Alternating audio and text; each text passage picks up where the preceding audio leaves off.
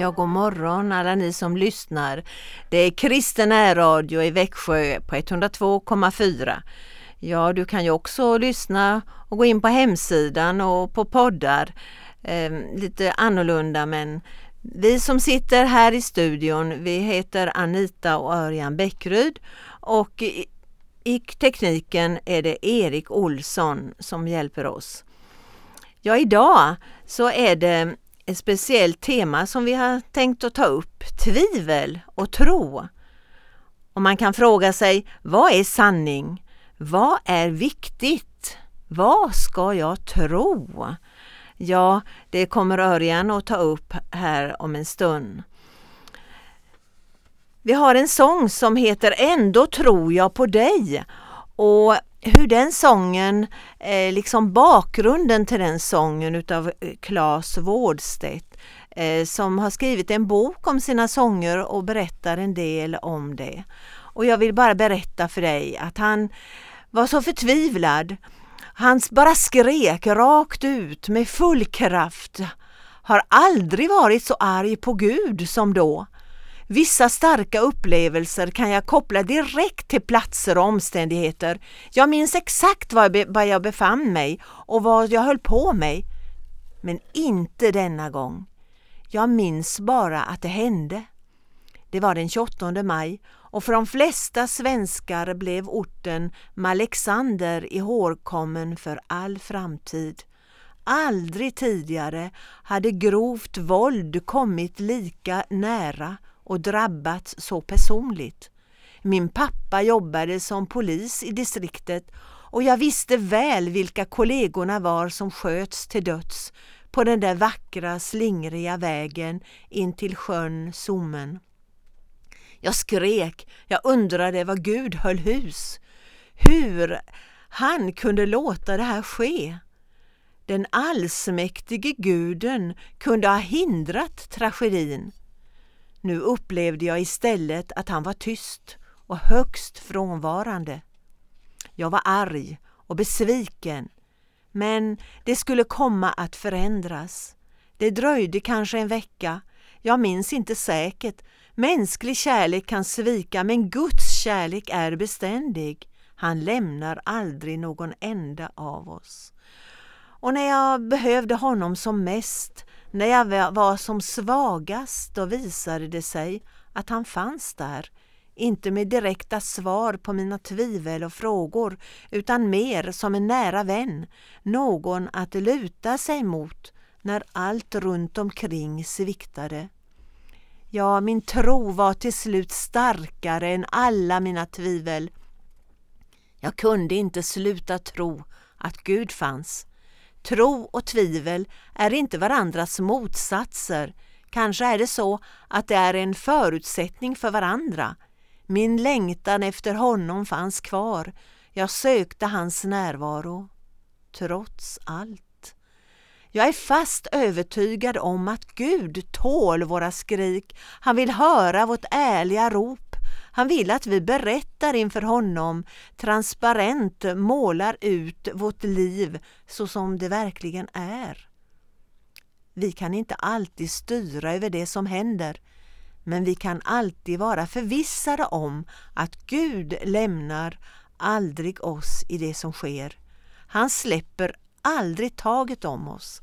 Han vill hålla fast vid det. Jag vill hålla fast vid det, skriver han.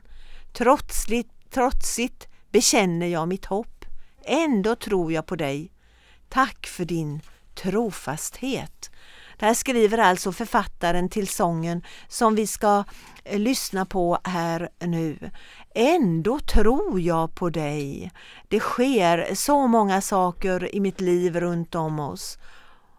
Och det gör ont och man faller i gråt och så vidare. Men ändå tror jag på dig. Hopp hoppas på dig, att du finns där i min svagaste stund när allt runt omkring faller isär. Faller isär. Ja, jag litar på dig. Du sviker mig aldrig. Vi ska lyssna på den sången. Det sker så mycket saker i mitt liv och runt om oss som gör att jag faller i gråt. Allt för många människor har så svårt att säga lilla ordet förlåt. Kommer mörkret någonsin skingras och vackra drömmar bli till verklighet? Och var finns du? Är du nära? Händer att jag tvivlar på dig. Ändå så tror jag på dig. Jag hoppas på dig, att du finns där. I min svagaste stund när allt runt omkring faller isär.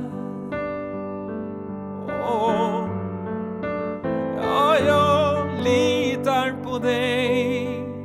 Jag faller mot dig när allt sviktar. Mm. Min längtan efter dig är beviset för mig. Löv som faller till marken, brustna grenar helt utan liv. Ja, jag ser det i min trädgård, jag ser det i min omvärld. Hur länge ska det vara så? Kommer regnet någonsin falla och torkad mark bli hel igen?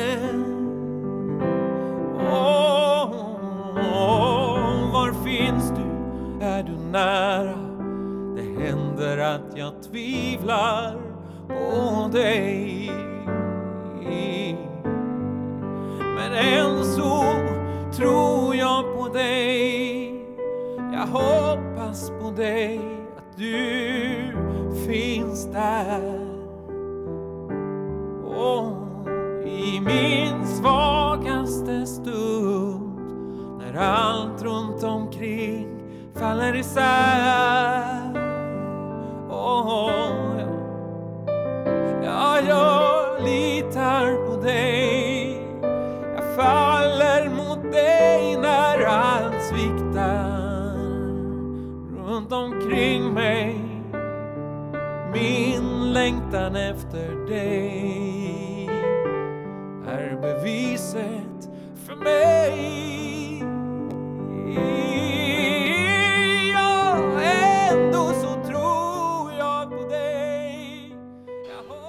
Ja, ändå tror jag på dig, sjunger Claes Wårdstedt här.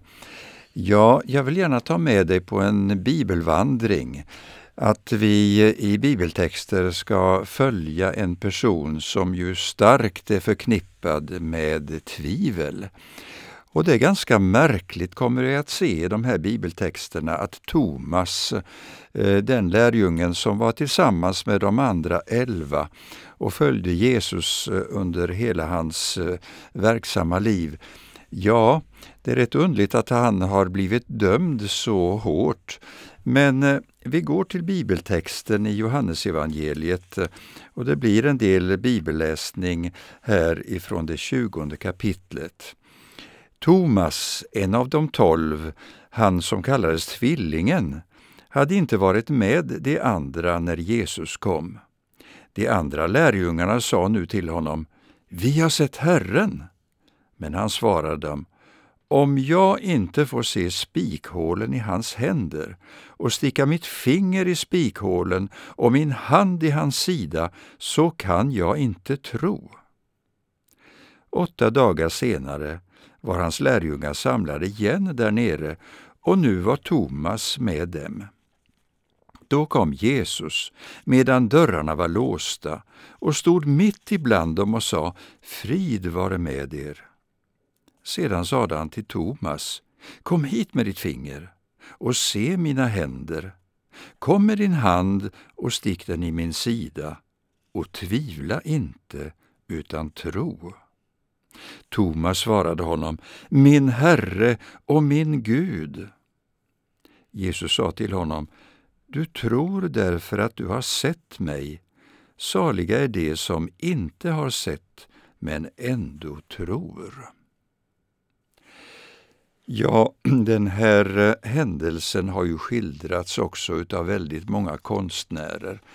Och jag tänker på målningen som jag sett eh, utav den italienske mästaren Caravaggio.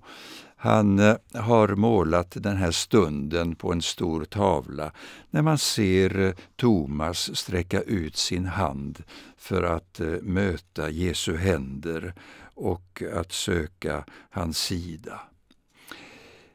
Det är ju så att när vi blir väl bekanta med någon, då tänker vi ofta helt annorlunda på den personen än vad vi tidigare gjort, eller hur?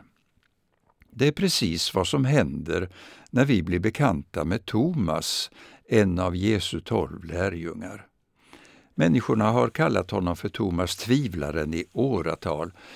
Eh, och om ni frågar någon om vad han vet om Thomas så kommer han troligen att säga att ja, det var lärjungen som vägrade att tro att Jesus hade uppstått från de döda han begärde ju att få se hålen i Jesu händer och så vidare. Eh, det är ju helt riktigt enligt den här bibeltexten vi har läst, men ingenting tyder på att Jesus blev förnärmad av hans frågor. Jag hoppas att eh, vi i det här, vad vi delar den här morgonstunden kanske kan ha någon betydelse för dig, du som brottas med tvivel och har många frågor. Vi tvivlar väl allesammans då och då kan hända. Personligen så upplever jag att jag kan inte tvivla på Guds existens och hans eh, närvaro. Men eh, vi ser alla människor, all ondska som finns och eh, då ställer vi oss frågor naturligtvis. Men här finner vi i berättelsen om Thomas en tvivlare som upptäcker svaret. Och Thomas är ett bevis på att varje frågande, varje utforskande och tvivlande och bekymrade människa kan upptäcka svar som han behöver i den levande Kristus. Bibeln presenterar honom som Thomas, som eh, kallades Tvillingen. Ja, eh, vad känner vi till om Thomas och hans bakgrund? Ja, inte mycket. Eh, medan de andra eh, evangelisterna, eh, ja, de berättas det ju mycket om. Vi känner ju till Matteus, han var tullindrivare och vi vet lite om hans bakgrund och Jakob och Johannes var ju Sebedaios söner och var med sin pappa där i fiskerifirman när Jesus kom och kallade dem. Petrus, ja, hans bakgrund känner vi inte så mycket till men vi vet i alla fall att han var gift för han hade en svärmor som han tyckte väldigt mycket om. Och när svärmor var sjuk då bad han Jesus komma och bota henne. Men eh, Thomas då, ja, vi känner inte till honom så mycket vad det gäller bakgrunden, men han kallas för tvilling. Eh, han hade kanske en tvillingbror eller en tvillingsyster. Eller annars kanske det kan vara att han var lite tudelad i sitt inre. Att han eh, eh kämpade med tvivel ganska ofta. Att han ville ha eh, riktig upplysning för att han skulle kunna tro. Det är så att eh, Thomas berättelse i Bibeln den kan indelas i tre avdelningar. Eh, den första akten, ja, det är historien om Thomas eh, när de plötsligt i lärjungaskaran fick ett bud ifrån Betania. Eh, det var ju en förort till Jerusalem och eh, det var så att Jesu bäste vän Lazarus, Maria och Martas bror, låg sjuk. Och Jesus stannade två dagar där han befann sig, men då kom budet att eh, Lazarus var död. Ja, eh, de samtalade om det där i lärjungagruppen och Jesus sa att Lazarus, vår vän, sover, men jag går bort för att väcka honom. Ja, det där var ju något som inte lärjungarna förstod. De har ju fått budskapet om att han var död. Och eh, då tänkte de att ja, är det nu så att han sover bara, då är det ju inte så allvarligt. Då kan vi förstå att Jesus har dröjt lite grann. Och eh, Thomas eh, han visar ett väldigt mod just vid den här stunden och i den här diskussionen som ägde rum bland lärjungarna. För de sa till Jesus att ja, men de försökte ju döda dig nyss när du var i Jerusalem och nu vill du gå tillbaka. Men Jesus eh, är bestämd och han säger vi ska gå till Lazarus. Och Thomas säger då att jaha, men låt oss då gå med honom och dö tillsammans med honom. Det här visar ju en helt annan sida vad det gäller Thomas, tycker jag. Thomas var beredd att gå till Jerusalem även om det betydde att han riskerade sitt liv genom att följa Jesus. Det fanns ju ett väldigt mod i de här orden. Och det är så att eh, enligt en historisk tradition så dog Thomas som martyr, men eh, inte i Jerusalem eller i dess närhet, utan mycket långt borta. Han dog, säger man, borta i Indien. Och där finns det Tomaskyrkor och Tomaskristna. Och det är många som där eh, har burit vittnesbörd i gången tid att eh, Thomas kom så långt bort, ja, ännu längre bort ifrån Palestina än vad någon annan utav lärjungarna gjorde. Och han gick för att vittna i en väldigt svår situation i en kultur där man aldrig hade hört talas om Jesus eller ens hade den bakgrunden som man kunde få utav Bibeln genom att man kunde lyssna kanske till judarna och deras eh, berättelse och deras historia. Det här får oss att tänka också på våra martyrer idag. Det finns många som sitter i fängelse just nu när du lyssnar till den här berättelsen om Thomas. Många som eh, har varit villiga att lyda Jesus även om det skulle innebära en väldigt svår smärta och mycket prövningar. Ja, vi behöver nog få mycket av Guds förlåtelse eh, över våra liv för den tvekan som kanske finns ibland eh, över att eh, stå upp för kristen tro. Och eh, det här gör att Thomas blir ett föredöme för oss när han är villig att följa Jesus, vad det än skulle kosta. Den andra berättelsen om Thomas eh, som Bibeln också ger, ja, det var ju just när eh, Jesus samtalade med sina lärjungar. Och han gav dem budskapet just den här eh, kvällen som han hade förberett så noga för att ta avsked av lärjungarna. Och han sa till dem, låt inte era hjärtan oroas, tro på Gud och tro på mig. Och han sa att i min faders hus finns många rum. Om det inte vore så, så skulle jag då ha sagt er att jag går bort för att bereda plats åt er. Och vart jag går, det vet ni, den vägen känner ni. Men när Jesus berättade det här, då blev det lite för mycket för Thomas. Han kunde inte längre behärska sig. Allt var så hemskt ledsamt och nedslående och helt förvirrat, just detta att Jesus skulle lämna dem. Herre, sa han, vi vet inte vart du går, hur kan vi då känna vägen? Och det var då Jesus talade med Thomas och de andra eh, om vikten av att eh, förjaga mörkret. Eh, jag är vägen och sanningen och livet. Ingen kommer till Fadern utom genom mig, säger då Jesus. när han bemöter Thomas i hans vägran att lämna Jesus. Ja, det är ju så att eh, Jesus lyser upp vårt liv och det fick också eh, Thomas få uppleva efter uppståndelsen när han hade fått möta Jesus riktigt. Ja, eh, det är ju så att vi kommer in på det tredje eh, området här vad det gäller Tomas situation. Men kanske först vi, eh, kan vi lyssna på sången Jag har tro på Gud. Pelle Karlsson sjunger och den sången är ju fylld av visshet och tro och vi tar den nu.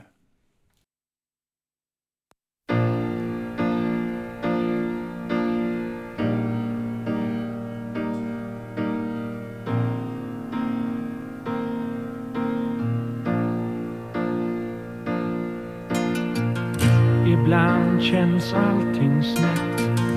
Leva livet är inte lätt. Jag kastas hit och dit. Som ett skepp när sjön går vit.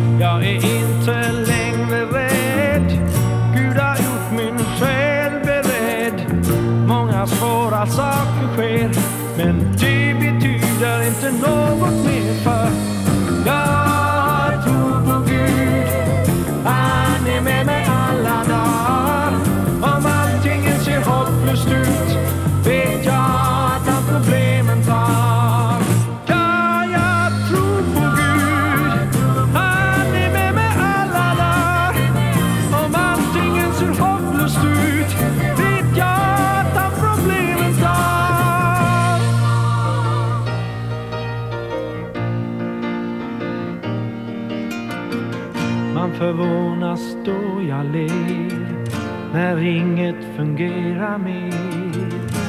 Och hur kan jag sjunga här i tider av svår isär? Jag är inte längre rädd. Gud har gjort min själ beredd. Många svåra saker sker, men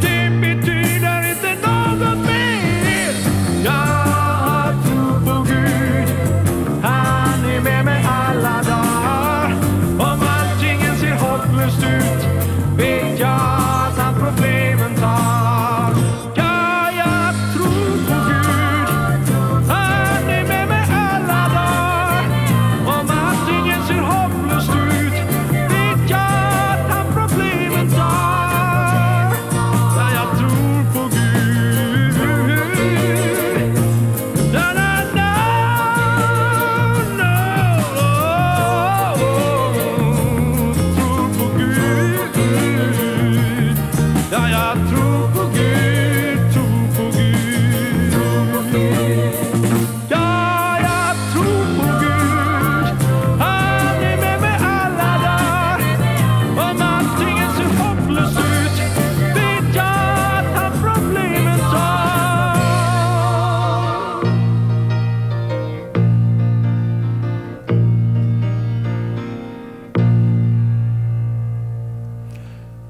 Ja, det var inte den typen av proklamation som eh, Thomas gav uttryck för, men i den här sången var det ju en stark visshet om Guds närvaro i livet. Eh, det är ju så att eh, kommer tvivlet in, så för min egen del så är det så att naturen och Guds skapelse är alltid för mig ett väldigt starkt vittnesbörd. Eh, som julklapp så gav vi en bok till eh, ett av våra barnbarn. Eh, det är en intressant bok som har som titel Det kan bara inte kommit till av sig själv. Och den boken tar upp många aspekter vad det gäller skapelsen och visar på att det här kan verkligen inte ha kommit till utav sig själv. Jag vet inte om du i, eh, ja det var ju för ett par veckor sedan, om du hade tillfälle att se norrskenet som var över Växjö stad. Men eh, det är ju också ett starkt tecken på eh, skaparens mäktiga kraft. Att vi får uppleva sån här skönhetsintryck. Men ska vi gå till den här tredje akten vad det gäller Thomas eh, liv. Det var ju just detta när eh, han fick möta Jesus speciellt. Han sa ju och uttryckte så klart och tydligt till de andra eh, eftersom han inte hade varit med och fått möta Jesus som den uppståndne. Jag kan inte tro om jag inte får röra vid honom. Och det fantastiska är ju att när Jesus kommer tillbaka som den uppståndne, då känner han till det här tvivlet. Han vet exakt vad Thomas har sagt och han säger direkt till honom Kom, kom nära här och stick ditt finger i min sida eh, och här är mina händer. Ja, det här blev ju en väldigt mäktig upplevelse för Thomas. Eh, han som inte hade varit tillsammans med de andra. Eh, det är också en, eh, ett litet varningens ord kanske till oss, vi som brukar gå i kyrkan men som inte har tillfälle, kanske alltid. Men när vi inte är med i Guds hus och samlade tillsammans med kristna, då är det är kanske så att eh, vår tro vacklar och vi har inte samma möjlighet att eh, möta Jesus som de andra, även om han möter oss i vår ensamhet också. Men tänk på det under pandemitiden nu, att du söker på nätet och att du kan följa med gudstjänster så att du är med när Jesus finns där och när han har kommit eh, bland sitt folk. För vi tror att han är närvarande. Och eh, Thomas liv blev alltså så radikalt förvandlat och han står faktiskt för den mäktigaste proklamationen som eh, vi har, eh, kan vi säga, i Guds ord vad det gäller eh, att anförtro sig åt Jesus. Min Herre och min Gud, säger han. Ja, den vissheten kan bli din också, även om du har upplevt tvivel. Men kom med din dina frågor till Gud. Våga ställa dina frågor i bön till honom och han kommer att möta dig. Låt oss bedja. Dyrbara frälsare, vi tackar dig att du ser om det finns någon som lyssnar denna stund och som är lik Thomas ibland fylld av tvivel.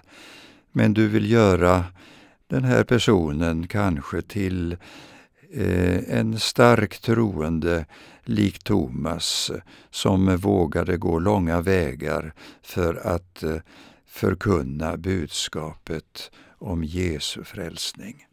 Tack Herre att du hör våra böner och välsigna oss denna dag. Amen. Ja, vi önskar dig en god dag med Guds välsignelse. Och eh, om du är intresserad av att eh, lyssna på förbönsprogrammet så är det imorgon, eh, torsdag, och då kan du få lyssna på kvällen eh, klockan 20.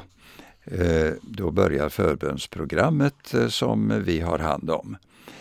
Eh, vi kommer också att få hjälp och stöd av andra medarbetare, hoppas vi på, framöver. Och vi har också Elinor Oredsson som kommer att rycka in och har lovat att stå för några program också. Så det blir stor variation framöver. Ja, vi är glada att du har varit med denna morgonstund och eh, vi tackar eh, Erik också för tekniken. Och nu önskar vi dig allt gott. Då kan jag ej tvivla, då måste jag tro. Det är Herren som skapat vår jord. En trygghet jag äger som